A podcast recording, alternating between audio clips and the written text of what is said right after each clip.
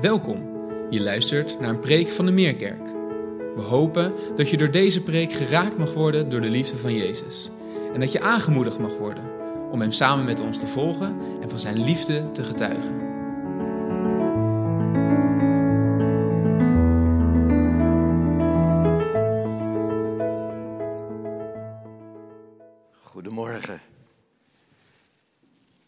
Het mag nog hè, op deze 9 januari. Ik wens een ieder, mede namens mijn vrouw Judith, een goed, gelukkig, gezond en bovenal gezegend nieuwjaar. En veel dank ook aan een ieder die ons bedacht heeft met de beste wensen voor kerst en nieuwjaar. Dat doet altijd goed, op het moment dat je het leest, maar ook wanneer we het uitstallen op onze vensterbank. En die staat vol en elke keer is het een vreugde om naar al die kaarten te kijken. Deze week presenteerde de Sociale Verzekeringsbank de populairste namen van 2021. Opvallend, de vijf populairste jongensnamen zijn allemaal Bijbelse namen. Noach, Lucas, Sem, Daan en Levi. En toen ik dat las, dacht ik, wat mooi. En ook mooi dat er aandacht aan gegeven werd, dat het Bijbelse namen waren. Maar het gaf direct ook een vraag. Zouden de ouders het verhaal achter die namen kennen? En zouden ze die bewust gekozen hebben voor in dit geval hun jongen? Ik weet niet precies wat de statistieken en de namen zijn van de meisjes, maar hier, dit artikel ging over die vijf jongensnamen die het meest populair zijn.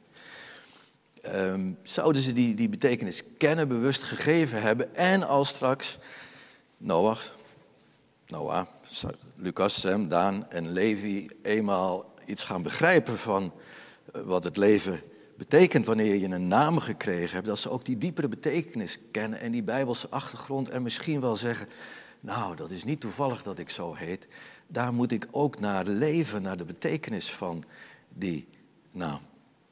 Ik zal ooit nog eens vertellen over de naam Wiggelen. Dat heeft ontzettend veel voor mij betekend, want ik krijg natuurlijk altijd de vraag: Wiggelen, wat betekent jouw naam? Waar komt die vandaan? Nou, dat houden we voor een andere keer. Nu even over Noah, Lucas, Sem, Daan en Levi. Maar als je daarover nadenkt, zo'n artikel, en dat kan je dan ineens stilzetten, dan ga je natuurlijk meteen terug naar de Bijbelse tijd. Hoe anders in die tijd, toen die naam voor het eerst gegeven werd aan een Bijbelse persoon. Dat werd heel bewust gedaan, vaak door God ingegeven. En die naam was je identiteit. Die naam was je alles. Die naam was je identiteit. Die naam was je alles. Nu, vandaag pakken we de draad op, je zei het al, van onze preekserie over de bergreden. En laat nu precies vandaag ons gedeelte gaan over de identiteit in Christus. Dat wil zeggen de identiteit van een christen. Nu moet je weten dat het woord christen aanvankelijk een scheldnaam was. Uh, Christianoi, dat stelletje wat achter die Christus aanloopt, die secte. En die naam hebben ze later als geuzennaam genomen. Maar in de eerste Bijbelse tijd was er een andere term. Uh, Paulus gebruikte die. Iemand die christen was geworden werd genoemd, en zo noemde Paulus zich ook. Ik ben iemand in Christus. Dat is een hele bijzondere term. Wij spreken nu over discipel, volgeling, leerling van Jezus. Maar als Paulus zegt, mijn identiteit is in Christus, in Hem zijn. Wat betekent dat? Om zo die naam te dragen.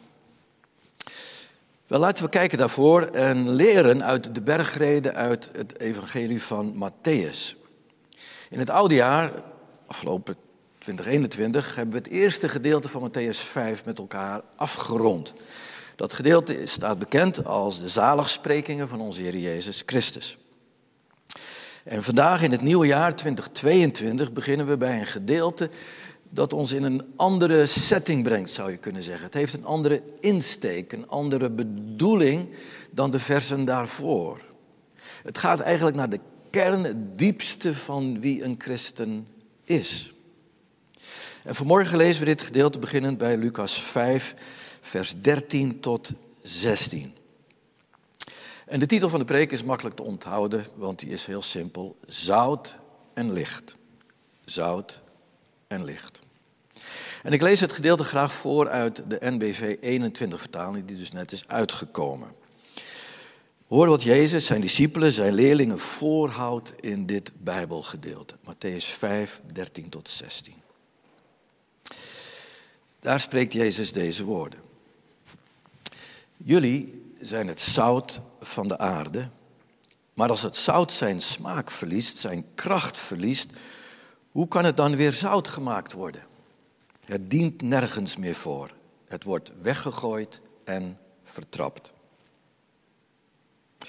Jullie zijn het licht voor de wereld. Een stad die op een berg ligt kan niet verborgen blijven.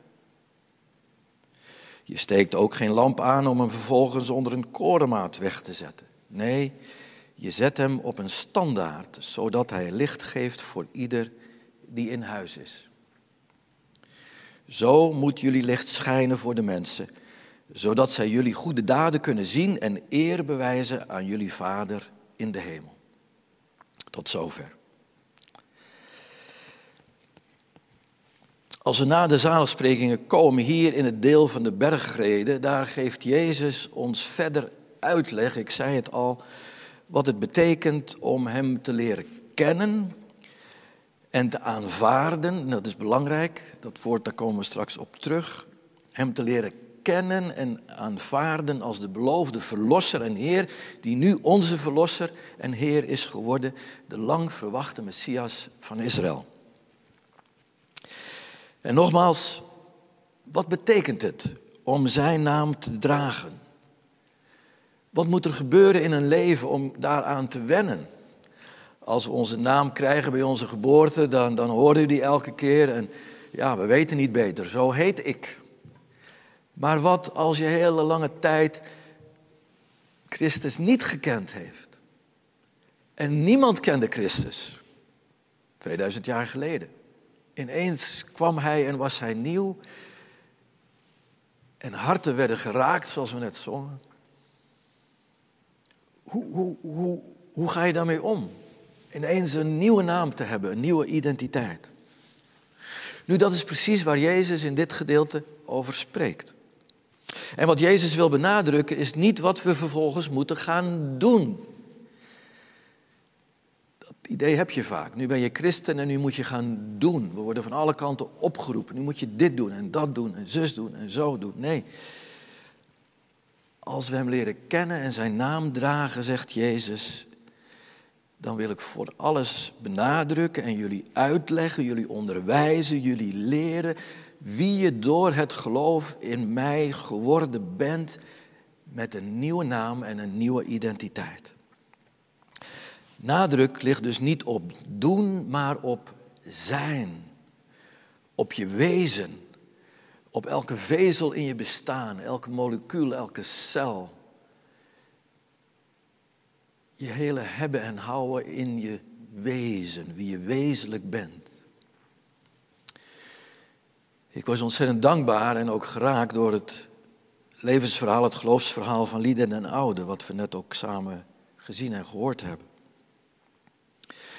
Lida heeft ons een kijkje gegeven in wat er gebeurt in het leven van iemand die op latere leeftijd tot geloof komt. Ik was dik in de vijftig, zei Lida. En dan heb je er al een heel leven op zitten. Als je dik in de vijftig pas Jezus gaat leren kennen als je verlosser en Heer en zijn naam gaat dragen. In die meer dan 50 jaar, zei Lida heel openhartig, zit ook meer dan 50 jaar aan zonden. Wat doe je met die ballast over al die jaren van zoveel zonden? Dat was ook de vraag van de eerste christenen. Die kwamen allemaal rond die leeftijd tot geloof. Ja, wat doe je daarmee? Hoe leer je niet alleen met je hoofd, maar ook met je hart aanvaarden, accepteren dat Jezus in zijn genade en liefde jou alle zonden vergeven heeft. En dat niet alleen, Hij heeft je een nieuwe schepping gemaakt. Hij heeft je deel gemaakt aan zijn goddelijke natuur. Door zijn heilige geest. Je bent een mens geworden, zoals de Bijbel zegt, die een nieuwe schepping is. En nogmaals ten overvloede, maar ik kan het niet genoeg zeggen.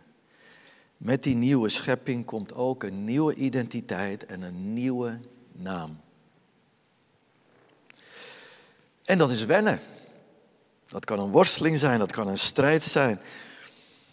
Hoe ga je daarmee om? In het geval van Lida indachtig de woorden van Paulus in 2 Korinthe 5, vers 17. Want het is juist Paulus die daar heel veel over spreekt, over dat oude en dat nieuwe.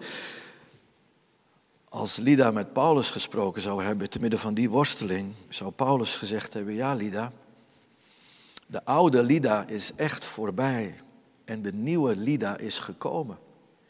2 Korinthe 5, vers 17. En dat geldt voor ons allemaal. En daarom is het misschien wel een vergelijk met die vijf jongensnamen die van, af, van begin af aan al bekend zijn met hun naam en daar misschien helemaal niet bij stilstaan. En soms is het een geweldig voordeel als je opgegroeid bent als christen en het allemaal bekend voor je is. Maar er zit ook een voordeel in als je op latere leeftijd tot geloof komt en heel bewust nadenkt, ja, wat betekent het een oud leven en een nieuw leven, een oude Lydia, Lida en een nieuwe Lida. En dat geldt voor ons allemaal. Allemaal mogen we in Christus door genade volkomen vergeven zijn en door het werk van de Heilige Geest opnieuw geboren worden in die nieuwe goddelijke natuur. Maar wat kan dat soms een worsteling zijn? Zoals bij Lida. Om dat te aanvaarden. Aanvaarden dat het zo is. Aanvaarden dus dat we in Christus aanvaard zijn. Je bent aanvaard, maar aanvaard je dat ook? Ik ben nieuw. Het oude is echt voorbij. Daarom is de doop ook zo belangrijk. Begraven met Christus in de doop. Het oude is voorbij. Opgestaan in een nieuw leven. Nu, wat voor ons geldt, gold natuurlijk voor alle christenen van alle tijden. Ook en misschien wel juist voor de eerste christenen 2000 jaar geleden. En dat was natuurlijk, dat waren degenen waar Jezus tegen sprak. En, en er is goede reden om te geloven dat de bergreden later ook gebruikt is gaan worden voor de instructie van nieuwe jonge christenen. En niet jong in de leeftijd dat ze 16 of 17 waren, hopelijk ook, maar juist jong omdat ze net het geloof ontdekt hadden. In welke levensfase en op welke leeftijd dan ook. Zij in de kerkgeschiedenis moesten als eerste leren dat het oude voorbij is en het nieuwe in Christus is gekomen. Probeer je dat voor te stellen. Hoe leerde je dat als eerste? Er was niemand voor je die het al gedaan had. Je had geen christelijke opvoeding. Je was de eerste.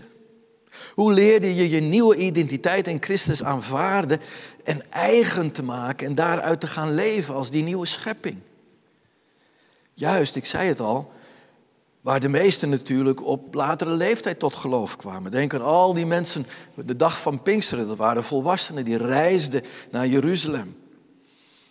En, en, en zij kwamen daar en hoorden de boodschap van Petrus.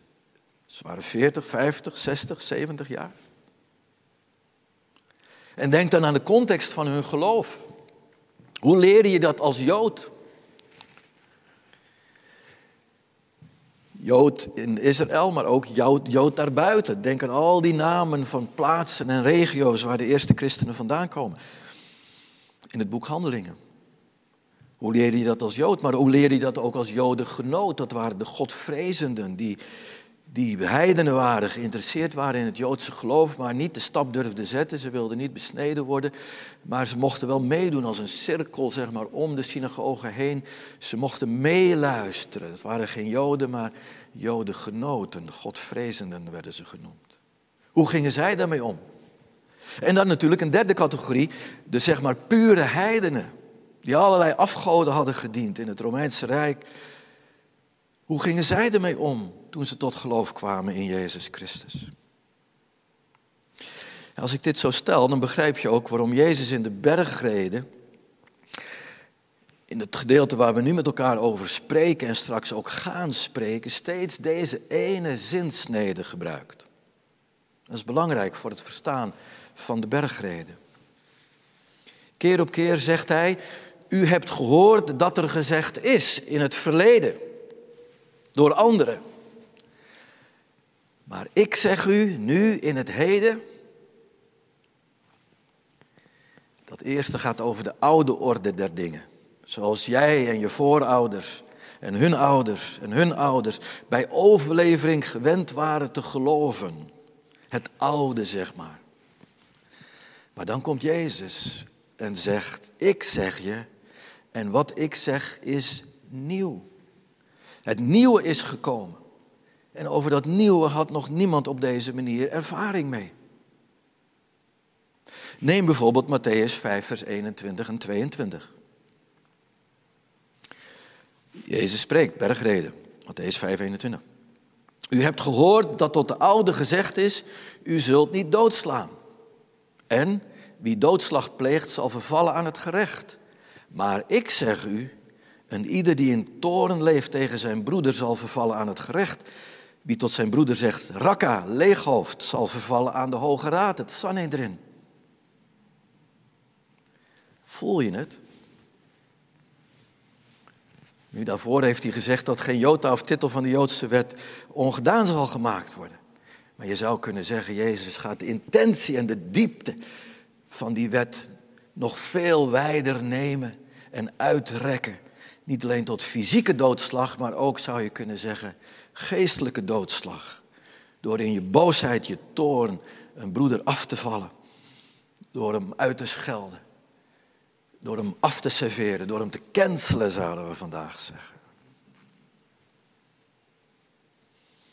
Nu, als je er zo over nadenkt, pasgelovigen, nieuwgelovigen, de eerste gelovigen uit de Bijbel, uit de tijd van handelingen en de vroege kerk.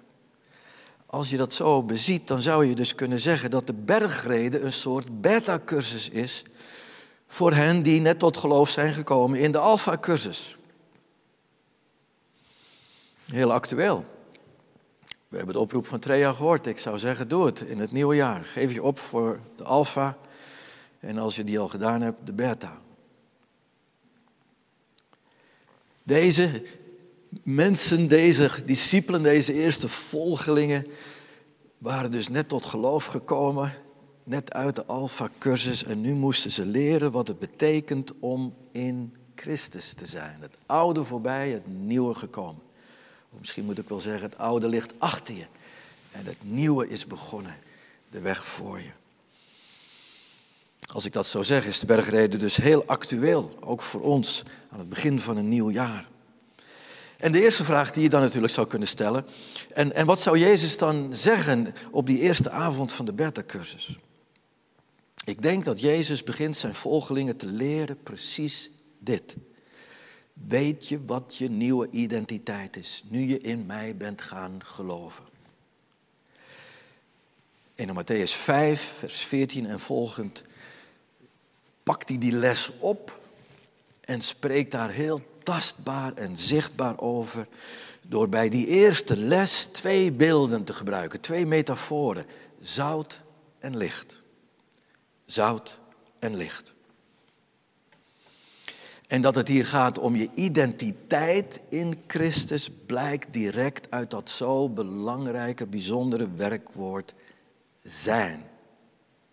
Zijn. Jullie zijn het zout van de aarde. Jullie zijn het licht voor de wereld. Jezus spreekt dus helemaal niet over een volgeling die van alles en nog wat moet doen. Nee, eerst wie hij of zij is in hem, in Christus. Dat moeten we leren, dat moeten we omarmen, dat moeten we aanvaarden. Dat moet ons, onze nieuwe natuur worden. Van top tot teen. Van ons hoofd tot ons hart En uiteindelijk ook tot onze handen. Maar het begint met hoofd en vooral hart. Het gaat om wie je bent, wie je gelooft te zijn. Ja, wie je geboren bent in Christus. En ik moet zeggen, daar ligt voor ons westers actieve baasjes een grote valkuil. Want we willen zo graag doen. Zeg me wat ik moet doen. En Jezus zou zeggen, nee, blijf rustig zitten. Ik wil je leren wie je bent geworden in mij. Maar wat zit dat doen toch ontzettend in ons, juist ook als christenen, maar ook als mens. Daarom dat onze goede voornemens aan het begin van het nieuwe jaar altijd gaan over doen of niet doen. We moeten minder snoepen en meer sporten. Nou, je kunt zo een lijstje bedenken. En als je wil weten wat de goede voornemens van 2022 zijn, google het maar even. En het zal allemaal gaan over doen en niet doen. Wij als christenen hebben daar denk ik bovenop nog ons eigen goede voornemenslijstjes. We moeten meer Bijbel lezen. We moeten meer bidden. We moeten meer christelijk dit en we moeten meer christelijk dat. En als je dat lijstje nog niet hebt, dan willen er zeker mensen en organisaties zijn die wel weten wat jij nog meer moet doen. Of moet gaan doen voor het eerst. Ik weet niet, maar ik laat het geregeld doorcijpelen hoe ik me vaak erger aan internet en allerlei christelijke platforms en forums. Ik word er soms ondergepast van, mag ik eerlijk zeggen. Hoe vaak lees je niet een kop? Een soort clickbait, want ook daar zijn christenen heel goed in, clickbait. Een tekst, een titel, waar, je eigenlijk van moet zeggen, ja, daar moet ik op klikken, want dat mag ik niet missen. Let maar eens op, hoe vaak lees je niet, christenen zouden meer dit. Christenen zouden meer dat. Als alle christenen nu eens dit gaan doen, als alle christenen nu eens dat gaan doen. Nou dan, dan heb je het niet begrepen. Dan heb je het niet begrepen. Misschien zou het ons goed doen dit jaar, zeker in onzekere tijden van corona. Misschien zou het ons goed doen als we eens al onze goede voornemens en al ons gedoe en onze doenerigheid, vaak ook dikdoenerigheid, gewoon eens laten varen. Ik hoef helemaal niets te doen. En heel simpel Jezus zouden vragen, Heer, hier ben ik. Ik ben net tot geloof gekomen. Ik heb me aan u overgegeven. Wat is uw voornemen met mij? Wat is uw voornemen met mij? En uitgaande van onze tekst van vanmorgen zou Jezus antwoord wel eens kunnen zijn. Ik heb het voornemen voor jou dat je weet wie je in mij geworden bent en dat je steeds meer dat gaat ontdekken.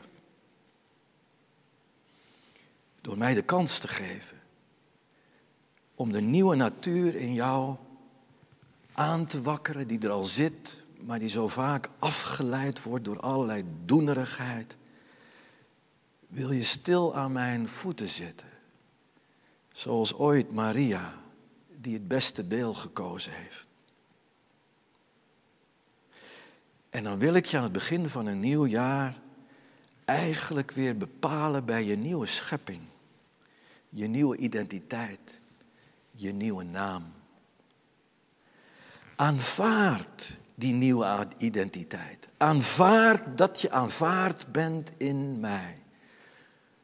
Hoef je niets voor te doen dan mij alleen je hart te geven. Zoon, dochter, geef me je hart. En als ik je daarbij mag helpen, dan wil ik je dagelijks helpen om die identiteit niet te verliezen, maar eruit te leven, eruit te ademen. Niet door actielijstjes, maar gewoon waar je gaat en staat te zijn.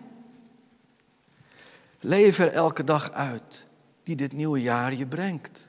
Laat je verrassen door ontmoetingen die ik geef, die misschien nu beperkt zijn, maar misschien dat je de telefoon kan pakken Als ik je een naam ingeef om iemand even te bellen en te bemoedigen. Om zo even te delen en Christus voor hen te zijn. Paulus zou laten zeggen in Galaten 2, als je zo elke dag opstaat, dan mag je met hem zeggen, met Christus ben ik gekruisigd. Ik zelf leef niet meer, maar Christus leeft in mij.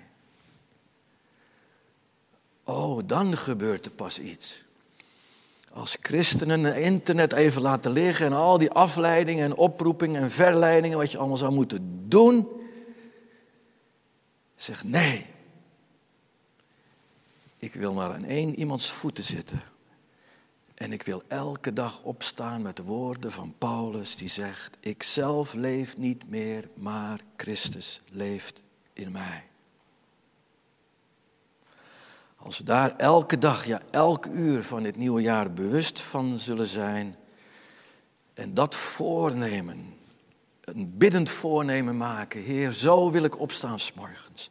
Zo wil ik deze dag leven. Uit u, door u en tot u. In Christus. Wat zal er dan gebeuren? Wat zal er dan gebeuren? Nu zul je misschien zeggen, Wiggelen,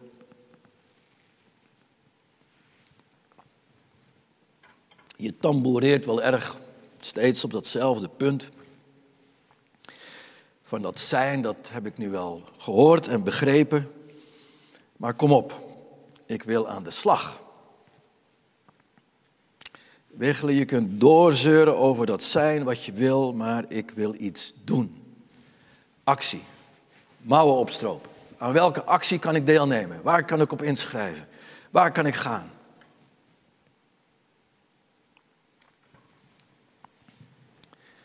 Misschien zeg je het wel heel bijbels.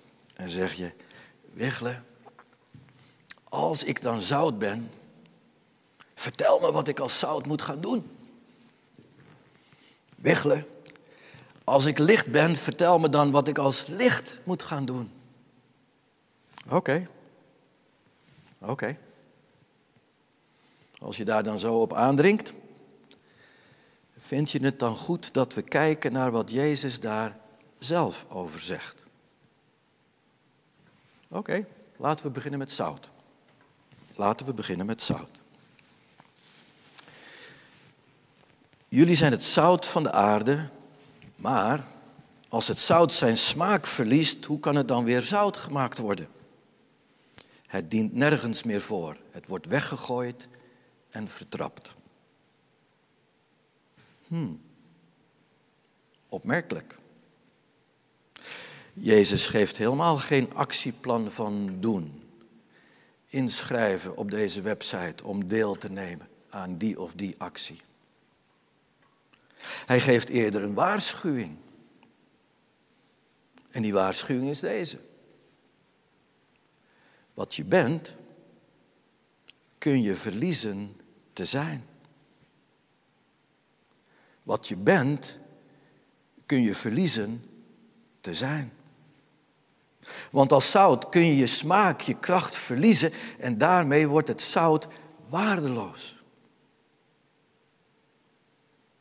Het lijkt wel dat Jezus de nieuwgelovigen op het hart bindt om waakzaam te zijn, niet te verliezen wat ze in Hem ontvangen hebben en, wie ze, en wat ze in Hem zijn.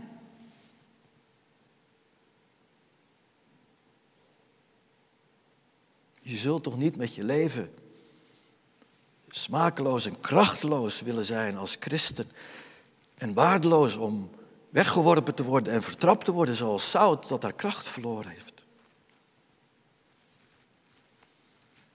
En hoe zit het met licht? Wat heeft Jezus nieuwgelovigen mee te geven over licht? Wat is de les voor licht in vers 14 en 15? Jullie zijn het licht voor de wereld. Een stad die op een berg ligt kan niet verborgen blijven. Je steekt ook geen lamp aan om hem vervolgens onder een korenmaat weg te zetten. Nee, je zet hem op een standaard, zodat hij licht geeft voor ieder die in het huis is. Ook hier dus geen actieplan, maar opnieuw een waarschuwing. Je bent een licht, maar pas op. Verlies niet de uitwerking van wie je bent door jezelf als licht te verstoppen. Net als zout kan ook licht zijn uitwerking beperken, steeds minder worden en zelfs teniet doen.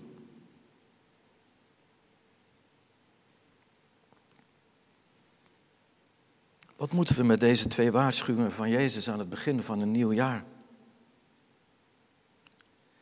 Is het wellicht niet dit? En wel, het mooiste voornemen van een christen kan zijn aan het begin van een nieuw jaar en daarmee niet een goed voornemen, maar het beste voornemen. En dat beste voornemen kon nu precies wel eens dit zijn. Ik wil niet minder, maar juist steeds meer zijn wie ik in Christus ben geworden. Want ik wil niet het tegenovergestelde. Ik wil niet dat mijn kracht en mijn smaak afneemt. Ik wil niet dat mensen die met mij in aanraking komen niet meer Christus proeven. Ik wil niet verworden tot smaakloos, krachteloos zout. En ik wil ook niet dat mensen die met mij in contact komen geen licht meer zien en voelen, geen warmte meer voelen als ze met mij in contact komen. Ik wil niet verworden tot een onherkenbare anonieme volgeling van Jezus, omdat ik als licht een emmer over mijn hoofd heb gezet en daarmee rondloop. Zo vertaalt de Bijbel in gewone taal de korenmaat. De korenmaat was een emmer waar je koren mee of graan mee kon meten en wegen. Dat kan dus als christen. Met een emmer over je hoofd lopen, zodat je licht niet gezien wordt. Afgelopen dinsdag in het uur van gebed lazen we uit 1 Petrus 2 de volgende woorden. En eigenlijk de hele week, sinds ons Maria-moment als leiderschapsteam, hebben we dit tekstgedeelte met elkaar gelezen, ook in de staf en, en doorbeden en doordacht. En gezegd, is dat niet een woord voor ons ook voor het nieuwe jaar? Bedenk daarbij dat Petrus misschien wel vooraan zat toen Jezus de bergreden uitsprak. 2 Petrus 1, na de groet, en Petrus die zich bekend maakt, al dus, zegt hij, vers 2, Genade zij u een vrede in overvloed door de kennis van God en van Jezus onze Heer. Zijn goddelijke macht heeft ons alles geschonken wat nodig is voor een vroom, godvruchtig leven, door de kennis van Hem die ons geroepen heeft door Zijn majesteit en wonderbaarlijke kracht.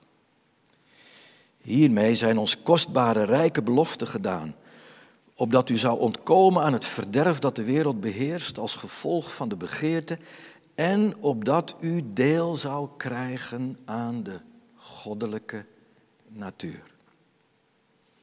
En opdat u deel zou krijgen aan de goddelijke natuur. Het lijkt wel of Petrus hier in gedachten heeft wat Jezus hem in de bergreden Ons christen zijn is precies dat.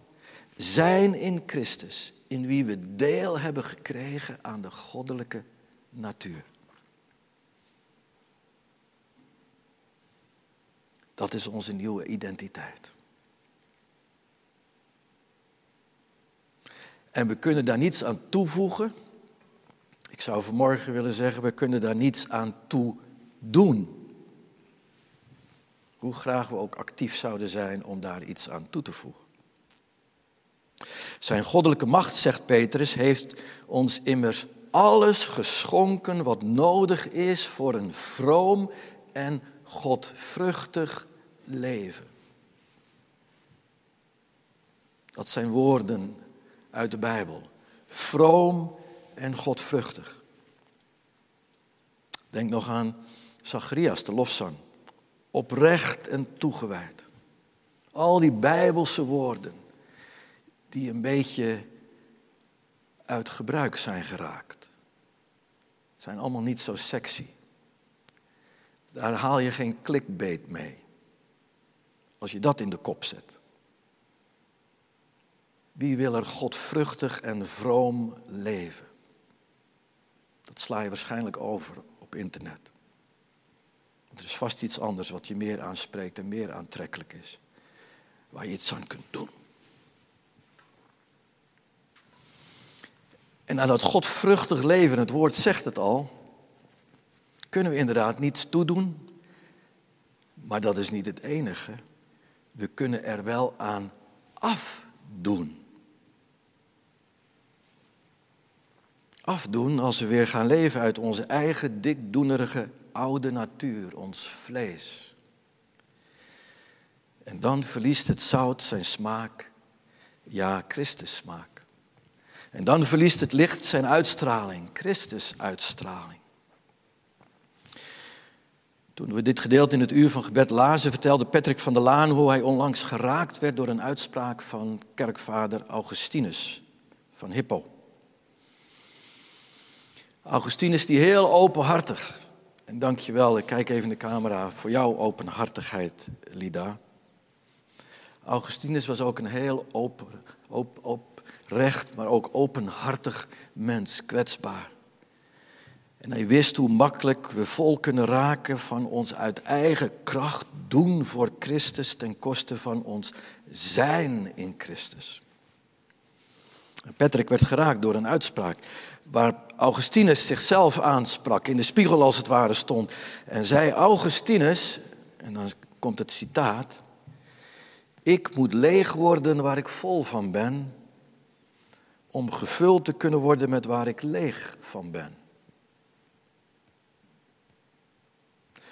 Ik moet leeg worden waar ik vol van ben, om gevuld te kunnen worden met waar ik leeg van ben. En in die woorden herkennen we natuurlijk de Bijbelse woorden van Johannes de Doper. Toen hij Jezus ontmoette en naar hem wees en zei, hij, Jezus, moet wassen. Moet meer worden. Ik moet minder worden. En waar ik minder word en Jezus meer, daar leef ik uit mijn nieuwe identiteit in Hem. En dan ben ik als zout dat smaak geeft en licht dat straalt en warmte geeft. Van dat licht zegt Jezus tenslotte dit in vers 16 en daar wil ik mee eindigen. Zo moet jullie schijnen, jullie licht, zo moet jullie licht schijnen voor de mensen, zodat zij jullie goede daden kunnen zien en eer bewijzen aan jullie Vader in de hemel. En nu zul je misschien zeggen, ja kijk Wiggelen, we kunnen er toch niet onderuit hè. Het gaat uiteindelijk toch om goede daden. We moeten dus echt iets doen. Actie. Ja, we moeten inderdaad iets doen. En dat doen is leven naar wie we zijn in Christus. Dat is precies de betekenis die Petrus geeft aan het woord vroom en godvruchtig. Onze goede daden zijn de vrucht van God. Zoals Jezus in Johannes 15 zei, vrucht aan de wijnstok, waar Hij, Jezus, de wijnstok is en wij de ranken. Ranken die een goddelijke natuur hebben, omdat ze verbonden zijn met Jezus, de wijnstok. En pas dan kunnen ze vrucht voortbrengen. Goede daden van de vrucht als rank aan de wijnstok.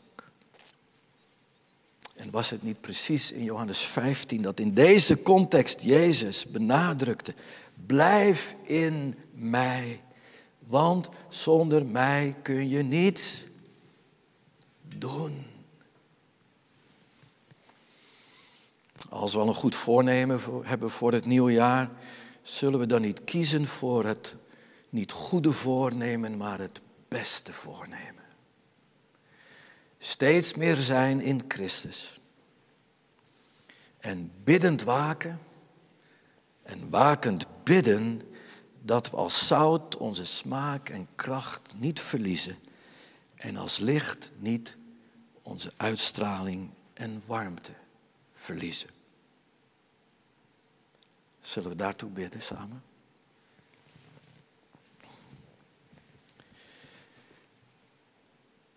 Heer, op deze,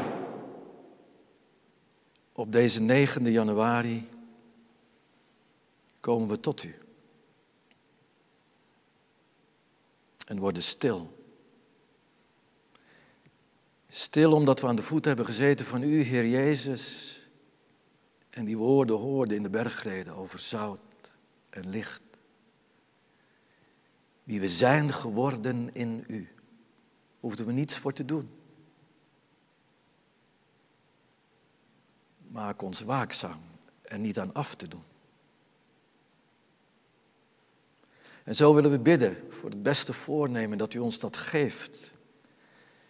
U bent er elke ochtend klaar voor, elk uur van de dag om ons aan uw voeten te laten zitten en te zeggen, mag ik zeggen wie je bent? Rank aan mij de wijnstok. Ik wil vandaag de vrucht geven. Geef je over opnieuw aan mij. Draag mijn naam, ken mijn naam. Ken mij bij mijn diepste naam. Die diepste naam heb ik het ooit voor je uitgeroepen aan het kruis. Het is volbracht. Het oude is voorbij. Je zonde vergeven. Een nieuw leven. Mijn opstandingskracht is jouw deel geworden. De goddelijke natuur. De heilige geest is uitgestort. Leef. Uit mij. Door mij. Tot mij. Leef in mij. O Heer. Wil een moment stil zijn. Raak ons hart aan. Doe ons zitten aan uw voeten. Doe ons hart ons overgeven aan u en zeggen, Heer, uw naam uw naam alleen, die mag ik kennen, die mag ik dragen, die mag ik leven. Die nieuwe identiteit. O Heer Jezus, dank. Doe het in mijn leven. Spreek zo tot ons hart, Heer zoals alleen u het kan. Met die zachte stem door uw heilige geest. Doe het in deze momenten van stil